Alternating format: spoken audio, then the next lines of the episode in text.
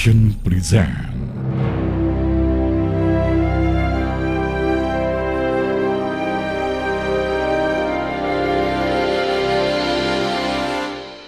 Assalamualaikum warahmatullahi wabarakatuh. Halo adik-adik, apa kabarnya hari ini?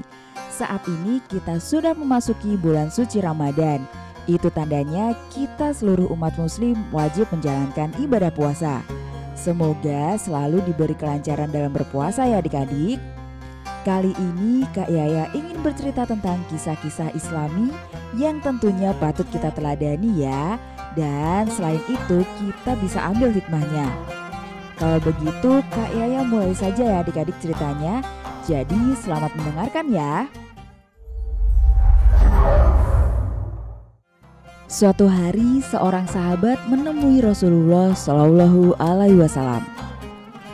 Ya Rasulullah, pekerjaan apakah yang sangat terpuji bagi setiap muslim?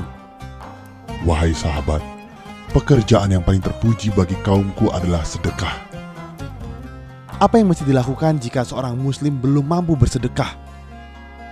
Hendaknya ia bekerja hingga bermanfaat bagi dirinya sendiri, kemudian kalian bisa bersedekah.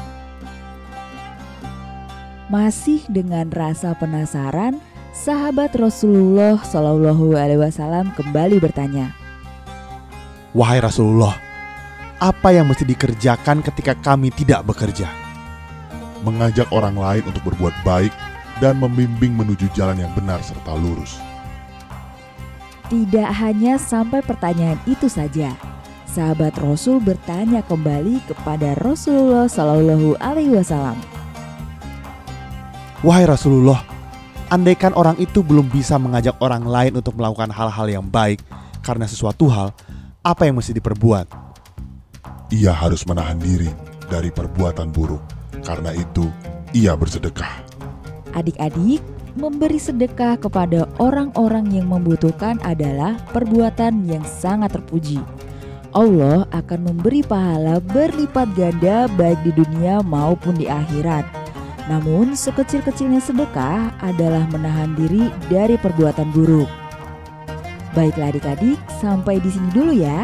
Nantikan kisah-kisah lainnya di podcast Cerita Nabi dan Rasul.